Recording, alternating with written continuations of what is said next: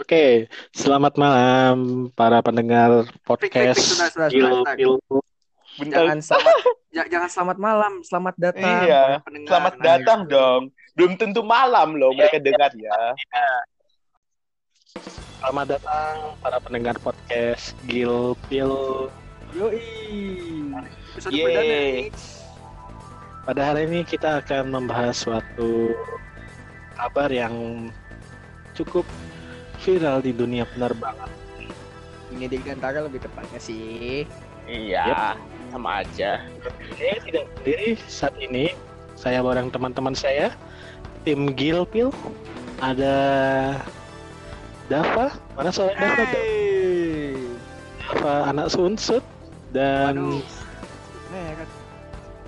Sebut merah loh, jangan sebut merah. Ya udah apa lanjut lanjut lanjut lanjut. Lanjut lanjut lanjut lanjut. Setelahnya ada Abisa, Abisa siapa? Yo. Abisa saja cukup kok. Bisa saja cukup ya, namanya cukup. Oke. Oke, jadi sebelum kita mulai uh, disclaimer dulu, kita di sini pakai Encore tapi jaraknya jauh-jauh. Fikri ada di Jogja, aku ada di Purwokerto. Eh, Fikri ada di Malang, aku di Purwokerto dan Abi di Jogja. Jadi kalau putus sekalian mohon maaf karena ketidaksediaan tempat. Ya, Ketidaksediaan. Tempat dan wifi ya. Iyo, i tempat dan wifi. Oke, kita langsung saja. Kita ngobrol nih malam ini nih.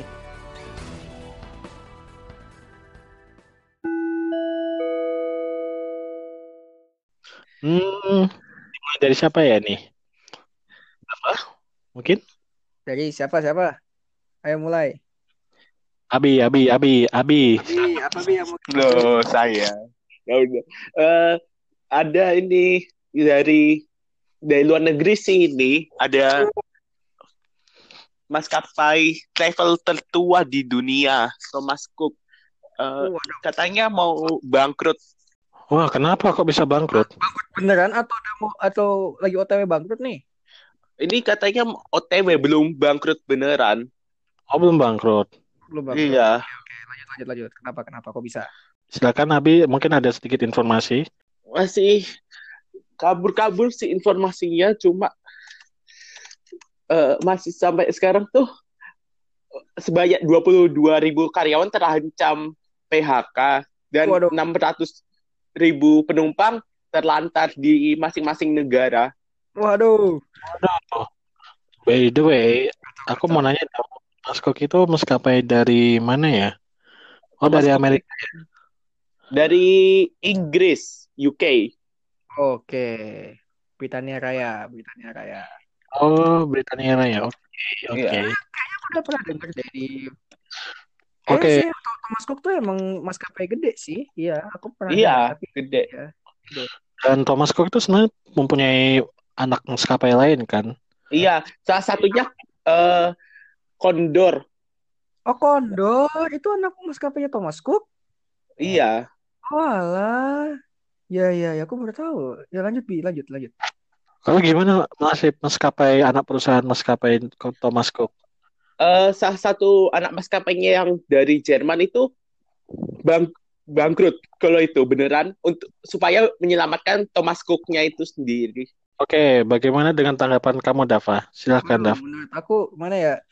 Ini juga kalau yang aku berdasarkan analisaku, ini memang salah satu dampak dari yang bisa aku bilang the apa the downturn atau the fall of, of aviation yang di mana ya masa penurunan ini bisa kita tandai dengan ya apa kurangnya permintaan pesawat, habis itu juga ya Thomas Cook ini sebenarnya salah satu contoh dari beberapa maskapai yang mulai bangkrut di tahun 2019 ini. Kita juga eh, mungkin beberapa dari kalian tidak ada yang tahu atau mungkin para pendengar juga tidak, tidak ada yang tahu kalau Air Indonesia Air Asia X itu juga lagi OTW bangkrut. Oh iya, iya. Dan Oh, iya. Dava, saya mendapat informasi juga di tahun 2019 ini ada 14 mas- maskapai yang bangkrut. Bangkrut. Jadi tidak hanya Cook saja. Oke, saya kutip dari situs CNBC Indonesia. CBC. Ah, ah. Waduh, siap. Itu ada yang pertama adalah maskapai Germania dari Jerman. Yaitu kalau misalkan di sini ada Air Asia atau ya maskapai berbiaya rendah Oke. di Jerman itu ada maskapai namanya Germania yang juga merupakan salah satu maskapai dengan biaya rendah yang bangkrut pada Februari lalu. Uh, Maskapai ini sudah mengoperasikan 30 pesawat dan pada saat keberangkutannya perusahaan mengatakan bahwa penumpang yang telah memesan penerbangan sebagai bagian dari tik paket bisa menghubungi operator tour untuk membuat jadwal terbang yang berbeda. Tetapi penumpang yang memesan langsung tiket mereka tidak berhak untuk menerima penerbangan pengganti. Hmm. Jadi saya agak bingung sih dengan teks terakhir ini. Penumpang yang memesan langsung tiket mereka tidak berhak untuk menerima penerbangan pengganti. Pengganti. Hmm. Ada yang bisa mengerti nggak mengenai teks ini? langsung. Nah, terus tadi kamu bilang yang sebelumnya katanya ada yang diganti juga atau dialihkan gitu? Ini ya teks sebelumnya. Hmm. Pada saat kebangkrutan, perusahaan mengatakan bahwa penumpang yang telah memesan penerbangan sebagai bagian dari paket telah memesan penerbangan sebagian bagian dari paket Ah. bisa menghubungi operator tour. Oh, mungkin berarti yang tanggung jawab adalah dari pihak tour dong berarti. iya iya iya. Berarti kalau bisa dia yang pesen langsung, pesen langsung ke webnya nih. Apa? Iya. eh, dia nggak bisa. Sementara kalau yang dia eh, paket sama yang lain, berarti dia bisa. Oke kayak udah gitu berarti masalahnya. Ada apa Kenapa Jermania tidak memberikan tiket pengganti? Di sini tidak disebutkan apa-apa sih. Tapi kalau menurut ini, menurut eh, aku itu kan maskapai anu ya, low cost kan ya. Maskapai berbiaya. Iya. Iya. Jadi mungkin ya mohon maaf saja tidak punya biaya mungkin. Entahlah. Masih ini spekulasi. sangat merugikan. Ini masih spekulasi. Yang kedua ada California Pacific atau singkatan dari AS yang bang yang em, bangkrut pada 18 Januari. Mulai mulai me, salah satunya adalah mulai mencutikan 90 karyawan tanggal 18 Januari Waduh. dan cutinya itu sampai tidak ada kepastian untuk kerja kembali. Hmm, Ya ampun. berarti kasihan juga ya Tapi kalau misalkan Tapi apa bi? Apa bi? yang ku baca ya ini eh, Cal- California Pacific itu emang beneran baru beroperasi 2018, tepatnya 1 Oh. November. Oh. Kalau itu berarti jadi kategorikan dan ternyata kenapa? Kenapa? Bi? Lanjut, lanjut. Katanya keku- alasannya berhenti itu karena kekurangan pilot. Ya itu berarti tidak berhubungan dengan topik yang kita maksud kan? Topik yang kita maksud bangkrut karena duitnya nggak ada, bukan karena Iya. pilot. Jadi tidak termasuk Fik. Nah ngomong soal bang soal bangkrut dan OTW bangkrut nih, kalian teman-teman sudah pada tahu belum kabar soal Sriwijaya tadi yang cari tiba-tiba eh duar, flash news, Duar. flash news teman-teman, flash news. Oke silakan Kalau- Mbak Eva untuk membacakan flash newsnya. Nah, jadi begini nih flash newsnya teman-teman. Eh di eh, Desember 2019 nanti, eh, sekitar bulan-bulan akhir 2019, Sriwijaya akan menghentikan penjualan tiket tanggal 27. Maksudnya? Nah, itu Oh ini kabar mengejutkan nih. Apakah ini tanda-tanda bangkrut ya? Nah itu bisa jadi Hmm. tanda-tanda bangkrut juga soalnya seperti yang kita tahu tahun lalu 2018 Sriwijaya mengalami masalah keuangan sehingga akhirnya dengan sebuah dengan sebuah berita yang mengejutkan juga di dalam dunia dirgantara kalau Sriwijaya ini bersama enam digait oleh Garuda. Masih ingat kan beritanya yang tahun lalu? Awal Tahun tahun ini deh. Yaps. Awal tahun. Kok tahun awal? tahun Perasaan masih awal Tahun tahun deh perasaan. Se. Saya 2018 deh. Oh, Oh, 18 November 8 2018 akhir. 2018. Nah, berarti tetap masih agak-agak ini masih agak-agak baru. Nah, jadi setelah digaet oleh Garuda Indonesia, uh, strukturis apa restrukturisasi semuanya dibenah dan seperti yang kita tahu sendiri, aku jujur uh, Januari kemarin pas pulang ke Bontang, balik ke sininya lagi ke Purwokertonya lagi, aku ke Jogja naik Sriwijaya dan kalau boleh jujur sih udah bagus, udah lumayan. Jadi ya istilahnya Garuda ini punya uh, sebuah trifecta lah yang paling atas, yang paling top service ada Garuda Indonesia, yang belakang kursi ada TV lah, itu intinya ada TV-nya. Nah, yang tengah ini ada Sriwijaya. Gak ada TV-nya tapi kamu dapat makan. Nah, yang lower class, eh, yang lower class bukan eh, bahasa enaknya adalah yep. yang yang paling murah itu Citylink.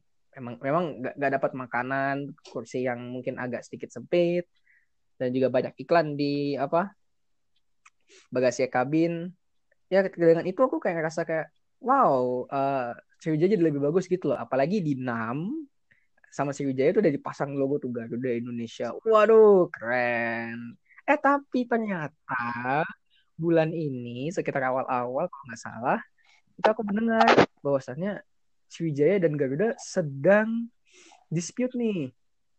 Nah dispute-nya kenapa? Ternyata setelah uh, apa yang disebut dengan apa uh, joint venture ini ternyata malah kandas karena berdasarkan apa uh, rapat pemegang saham itu mereka nge istilahnya ngekick si uh, apa direktur Sriwijaya ini yang aku lupa namanya yang di mana itu adalah ternyata orang Garuda juga. Nah imbasnya imbasnya jujur ini gede banget dan sangat berdampak karena yang pertama kalau yang pertama karena uh, ini menggait Garuda jadi secara tidak langsung juga menggait GMF di mana itu sangat signifikan banget buat uh, pesawat buat pesawatnya mereka karena itu adalah bengkel mereka gitu loh dan mereka kalau misalnya mau bayar itu harus uh, harus eh, apa harus upfront gitu sekarang karena udah gak udah karena udah nggak ini lagi udah selek eh apa selek lah intinya sama Garuda Nah, kalau misalnya mereka nggak selek sama Garuda, mereka ya bisa bayar di belakang. Udah kayak, uh, aduh aku tidak bisa bayar sekarang. Ya udah gampang-gampang bayar di belakang, bayar di, bayar di belakang. Karena sekarang jadi keuangannya mampet dan juga karena Garuda lagi ada dispute sama Sriwijaya, jadinya mereka nggak bisa bayar. Dan imbasnya adalah 5 mesin CFM 56 buat Boeingnya Sriwijaya mau ditarik. Gila nggak tuh? habis itu ditarik loh mesin mesin loh kalau logo dicopot kayak mungkin teman-teman lihat di IG itu masih oke okay. masih masih iya ini mesin copot loh waduh kacau waduh mesin dicopot loh tidak main-main makanya sudah mulai apa udah mulai hmm. kayaknya ini udah hmm. mulai kelihatan iya udah ini mulai... Sriwijaya katanya juga ya uh, memiliki tunggakan 43 miliar rupiah kepada Gapura Angkasa. Waduh, itu jika nggak dibayar sampai Senin 30 September, katanya ground handling di bandara untuk Sriwijaya bakal dihentikan. Oh, no, no, please God, no. Akankah ini menjadi Batavia kedua, please no. Sriwijaya udah bagus. Kemungkinan sih. Aduh, jangan sampai deh. Udah udah mantap juga. Ngomong Apa?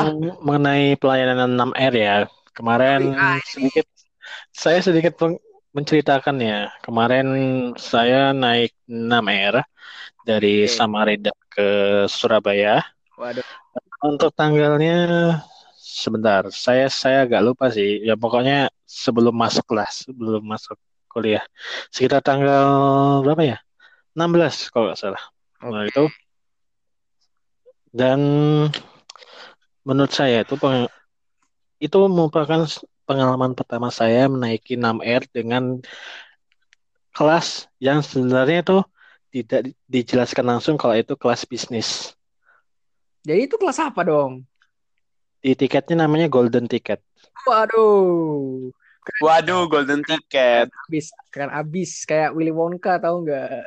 Kalau kalian misalkan mau merasakan uh, naik kelas bisnisnya NMR sebenarnya bisa pesan lewat melalui ya travel agent bisa dan itu nambah biayanya ya ya menurutku ya lumayan sih oke lah kita lanjutlah ke pelayanannya Oke. nah itu kan aku pertama kali menaiki nama itu kok salah dengan registrasi PK NAP PK apa? itu naik PK NAP NAP? NAP Yo.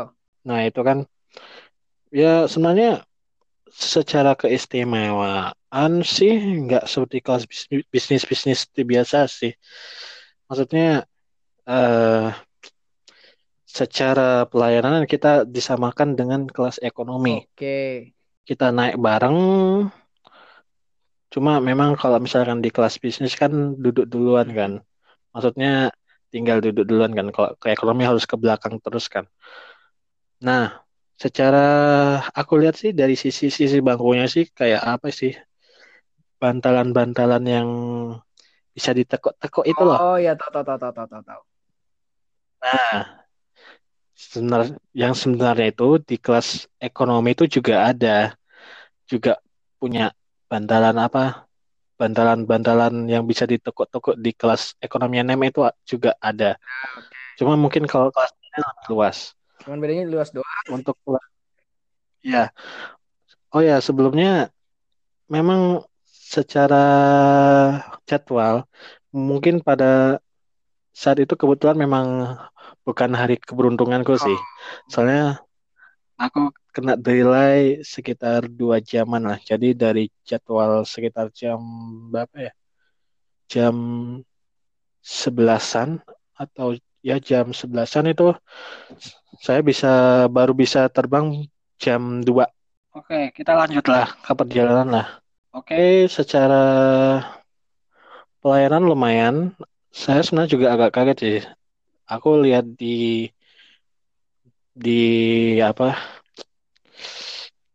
di poster-poster kan pramugarinya itu kan kayak pakai kayak pakai apa itu jaket bukan jaket sih kayak Jas.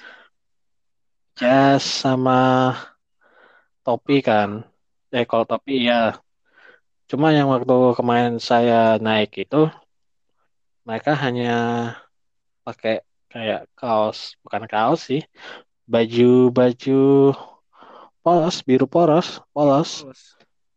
Oh ya ya ya ya. Yang kayak kalau kalau yang kayak Garuda anu bukan sih Garuda Cari J. bukan kayak iya kayak Garuda tapi tahun berapa ya kayak vintage livery gitu loh jadi kamu tahu udah lihat itu kan Yang apa vintage itu. iya sama pramugarinya pakai pakai pakaian yang vintage vintage gitu yes, yes. nah itu seperti itu Hmm. oke kesan pertama aku ya cukup luas lah karena ini kelas bisnis Waduh. cukup luas. Aku bisa nampung makanan ya lumayan lah. Aku dapat itu kan dapat kompensasi juga. Aku taruh makanan ya cukup lah Mantap. buat. Iyalah, bro. Terus kita juga dapat namanya welcome candy atau dikasih permen ya kayak di CKG gitu. Oh ya. Ya- Jadi buat teman-teman yang tidak tahu, PKJKG adalah pesawat kecil tipenya ATR yang biasa terbang dari Balikpapan Bontang. Jadi cuma itu satu Bontang, paling cepat lu ke Bontang. Yang biasa jalan darat berapa? 6 jam, 7 jam? Berapa kalau bapakmu nyetir? Lima. 5. Oke, kalau bapakku 6. Itu bisa motong sekit itu bisa motong Oke, kita ya. 45 menit eh setengah jam malah nyampe. Jadi ya PKJKG adalah pesawat kecil yang sekarang sudah tidak dioperasikan lagi karena semuanya pada milih ke Samarinda yang agak dekat. Oke lanjut Fik. Oke. Em, yang pertama kita dapat permen candy gitu kan buat ya sambutan. Itu dari baik kelas bisnis maupun kelas ekonomi dapat lah. Oke. Nah, secara perjalanan itu ya menurutku cukup lumayan sih. Terus yang mungkin yang membedakan adalah saat di tengah perjalanan kamu ditawari minum mau teh atau mau kopi itu. Kamu ya apa Fik? Aku pilih teh lah. Oke. Menurutku cukup cukup lumayan sih menurutku. Nggak terlalu mahal buat sebenarnya aku juga bingung nama Air itu ditempatkan di posisi mana di apakah di full service atau di tengah-tengah atau di ya saya cukup bingung sih. Apalagi induknya Sriwijaya Air itu juga Sriwijaya menurut saya tuh ya cukup cukup bagus sih menurutku. Oke, mungkin uh, kalau menurutku ditempatin kayak mana ya apa Express Air mungkin? Hmm secara mungkin bisa sih cuma kalau Sriwijaya kan fleetnya ya lumayan lah. Oke. Oh ya kan pernah kalian pernah lihat nggak rumor Sriwijaya pemesan 737 Max? 737 Max? Ah ya kayaknya aku pernah dengar. Bi kamu pernah dengar nggak? Iya. Sudah dibuat itu bukan rumor.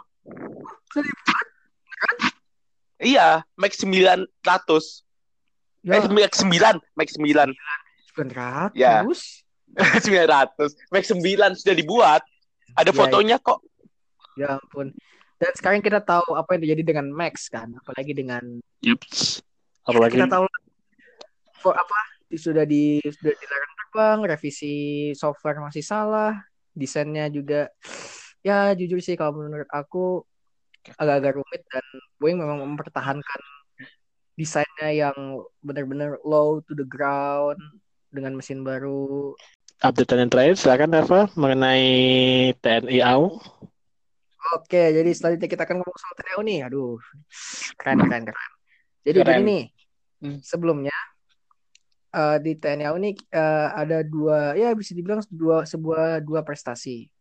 Yang pertama adalah eh, bahwasannya mungkin eh, pertama-tama kita tahu di daerah kelahiran kita di Kalimantan sana sedang terjadi eh, karhutlah atau kebakaran dan lahan yang bisa dibilang eh, memakan banyak lahan dan juga ya ada korbannya juga.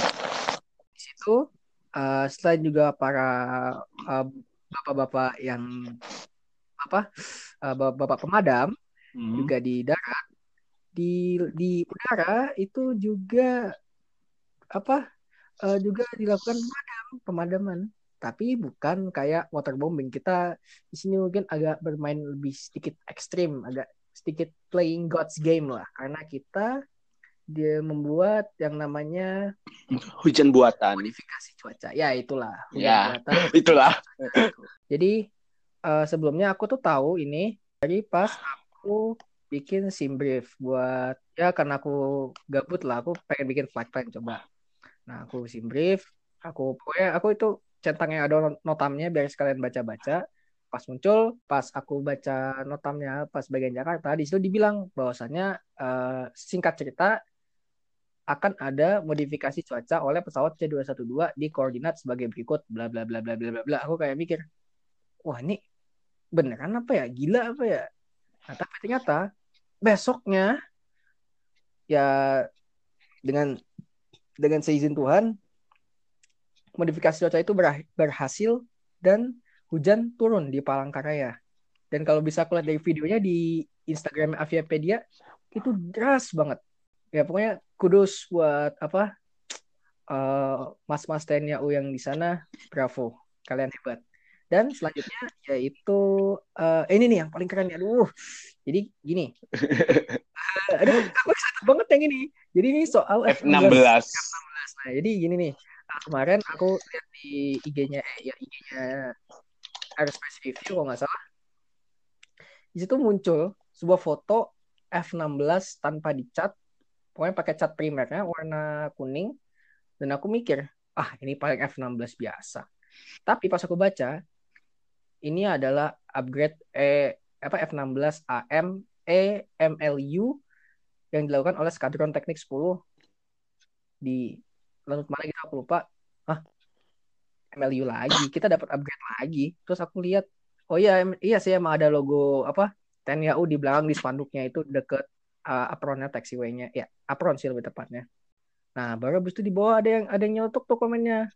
Wah, AFF slice bird-nya bagus tuh. Hah, baru aku zoom lagi. Wah, iya mantap. ini baru upgrade yang jujur banget aku tunggu-tunggu dari dulu. Karena kenapa? Gini, kita tuh punya F16 itu ada tiga jenis. Tiga atau dua gitu. Kalau aku lihat di F, ada database-nya F16.net, kita tuh punya dua jenis jenis F16. Itu F16A blok 15 dan F16C blok 25. Semuanya pesawat saya bilang pesawat lama tapi jangan salah akan ada kisah menarik nantinya. Nanti aku ceritakan. Jadi uh, kita punya dua dan dua-duanya ini sebenarnya bagus, jujur sebenarnya bagus, platformnya bagus, cuman kita kurang kurang banget. Kurangnya apa? Yang pertama, kita nggak punya yang namanya sistem IFF, Identification Friend or Foe. Jadi istilahnya kita kalau misalnya ini apa uh, di, di layar radarnya itu tiba-tiba muncul satu, satu titik kan kalau di dunia asli nggak kayak es combat kan kalau es combat kamu tahu es combat warnanya biru apa FRNDO ya teman. Kalau di dunia asli nggak kamu harus identifikasi dia itu teman atau lawan. Nah jadi apa di kalau apa diidentifikasi istilahnya kita tanya dia jawab. Kalau misalnya kita tanya dia gak jawab berarti musuh. Kalau dia tanya eh kalau dia tanya kalau kita tanya dia jawab berarti teman. Istilahnya seperti itu.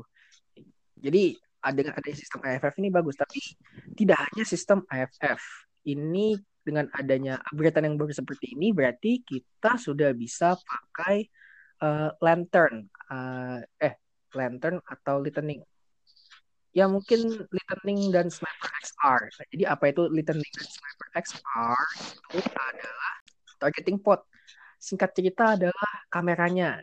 Ya, jadi dengan adanya kamera ini, tingkat presisi yang di yang bisa dilakukan oleh pilot untuk melakukan pengeboman itu jadi lebih lebih meningkat gitu loh. Presisi. Ya, lebih lebih presisi. Jadi kalau misalnya kita pakai pengeboman biasa yang mungkin dengan metode dive bombing, itu kan kayak kita nggak tahu bom bom yang kita punya itu kan masih dam bom, masih apa bom bom biasa. Bom biasa agak. Iya, bom biasa. Jadi kalau misalnya begitu dilepas, karena kita nggak tahu mungkin aja itu ketiup angin jadi nggak akurat nah dengan adanya apa upgradean baru ini kita bisa pakai bom GPS dan bom laser. Bom laser tentu aja kita tembakin lasernya. Lasernya tentunya nggak iya. buat nandai doang. Lasernya di situ kayak kita kita luncurin nanti bomnya jatuh ke situ. Dan juga dengan bom GPS atau mungkin bahasa kerennya adalah JDAM Joint Direct JDAM Munition nah jadi yang ada bom jedam ini lo tinggal masukin aja koordinatnya mana tet tet tet tet. Udah ntar nanti pesawatnya bakal ngasih tahu eh kita udah di uh, tempat area pengeboman silakan jatuhin bom jatuhin bomnya dan itu akan lebih sangat akurat dibanding dengan bom biasa kalau bom biasa ketiup angin ya udah nah kalau misalnya dengan bom presisi ini dia akan sangat akurat. Misalnya dia ketiup angin, dia bisa mengkoreksi dirinya sendiri. Dia bisa, jadi bomnya itu gerak. Tidak hanya diem kayak biasanya. Jadi bomnya ini gerak, set, pokoknya agar lebih presisi.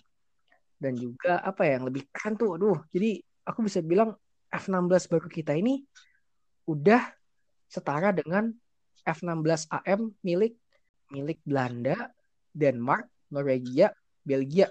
Udah, kita udah sama. Dan itu juga alhamdulillah banget kita sudah memiliki pesawat yang pesawat tempur yang benar-benar uh, udah mulai ke unlock full potensialnya gitu. Jadi menurut teman-teman nih gimana nih dengan kehadiran F16 kita yang baru? Jadi ya quick heads up F16 itu punya yang namanya blok tahun pembuatan. Ya istilahnya kalau teman-teman kayak beli mobil pasti kayak lihat tahun pembuatannya ya tahun pembuatan 2000 berapa gitu. Yep. Kayak gitu. And you gimana nih dengan adanya pembaruan F16 kita yang jadi lebih lagi nih? Oke. Okay. Kita melihat bahwa sekarang TNI AU sedang gencar-gencarnya sedang melakukan apa ya istilahnya Dav? Apa? Revitalisasi. Yups. Revitalisasi pesawat pesawatnya. Dan kita berteman pada kejadian beberapa tahun lalu, kalau nggak salah waktu kita masih SMA ya, Dap. Apa? Di mana terdapat eh, saat itu kok salah itu F3 F35 ya, Dav, yang kebakar itu. F35. Oh, ah? F35? 5. Yang pernah kebakar itu loh. bakar. Ba- banyak loh. Soto Eh, bukan- banyak. Oh, ternyata jatuh dan pilot selamat. Oh, itu aku ingat, aku ingat. Nah, Kenapa kita dapat bahan dari negara lain? ntar aku kasih tahu tuh. Kita sudah mahal untuk emang bukan di apa bukan dibeli sih. Itu kan emang Tapi mereka hibahnya bukan hibah ini. Ntar nanti aku kasih tahu di akhir pokoknya dah. Lagi yang mau disampaikan, Fik? Oke, Bim, mungkin kamu ada mau say say say something?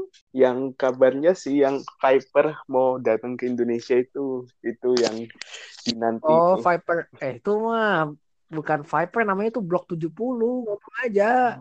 Viper itu nama F16. ya, Nama F16 dari awal. Blok 70.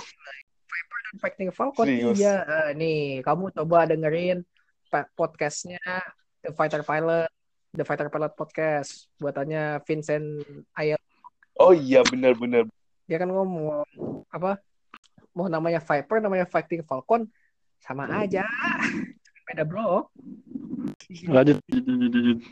Oh, punya F16 itu bekas dan itu emang fakta tidak dibuat-buat tetapi bekas yang kita punya itu bukan kayak misalnya teman-teman uh, apa bayangin ambil dari rongsokan yang udah gitu kakatan yang udah kotor terus disulap simsalabim jadi baru nggak bro nggak gitu bekas yang dimaksud tuh itu dirawat dengan baik banget. Kalau teman-teman lihat fotonya ntar dia kayak dilapisin sebuah kayak kain putih atau apa gitu yang pasti buat melindungi si pesawatnya ini dari apa eh, sinar matahari.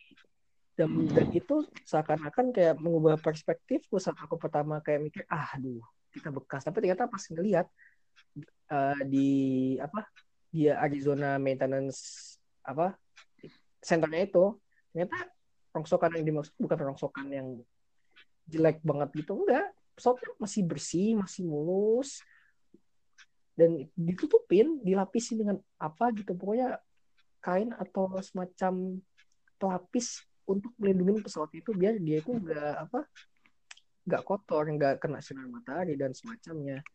Gini dan ada satu fun fact. F16 bekas kita itu sudah pernah uh, turun dan pernah terjun langsung ke dalam konflik Irak dan operasi Desert Storm di section database F16 Indonesia. Kalau diklik detailsnya itu nanti kelihatan kalau misalnya ada beberapa pesawat yang bahkan spesial banget dari koman apa pesawatnya si komandan ini bahkan sampai digambarin apa ada artworknya macam-macam sebelum akhirnya pindah tangan ke Indonesia. Jadi bisa dibilang bekasnya ini bekas keren karena kita karena F16 kita adalah salah satu yang pernah ikut merasakan konflik Desert Storm dan operasi Iraqi Freedom yang di mana ya kita tahu siapa pemenangnya. Jadi ya keren gitu loh. Kita bekas-bekas keren bekas benar-benar apa veteran pesawat veteran gitu loh. Itu sih apa uh, fun fact dan juga uh, ya the little dark secret about our F16 yang baru loh yang baru datang kemarin tapi ya sudahlah yang penting kita punya pesawat baru kekuatan alutsista kita menjadi lebih bagus lebih mantap dan ya apa pun demi menjaga langit Nusantara kita ini. Jadi ya mungkin teman-teman eh, aku aja nih ya terus kalian nih. Siap. Jadi begini dulu teman-teman obrolan kita soal dunia dirgantara malam ini. Jadi jika ada yang ingin ditanyakan mungkin syarat atau kritik eh, kenapa mungkin ada yang mau ngomong ini kenapa mas-mas yang satunya suaranya kayak robot nah mungkin ngomong aja langsung ngomong aja langsung di oke Ya, kritik-kritik atau enggak berikan kami solusi untuk topik yang kita akan bahas selanjutnya. Oke. mungkin kalau teman-teman ada yang mau apa eh, ngasih sumbangan gitu. Ya oke nggak apa-apa nggak apa-apa nggak apa-apa. Nanti kita sharing sharing sharing santai santai. Jadi ya begitu dulu eh, episode perdana kita untuk malam ini. Dan sampai jumpa di lain hari. Tunggu episode kami selanjutnya dan sampai Sampai jumpa. jumpa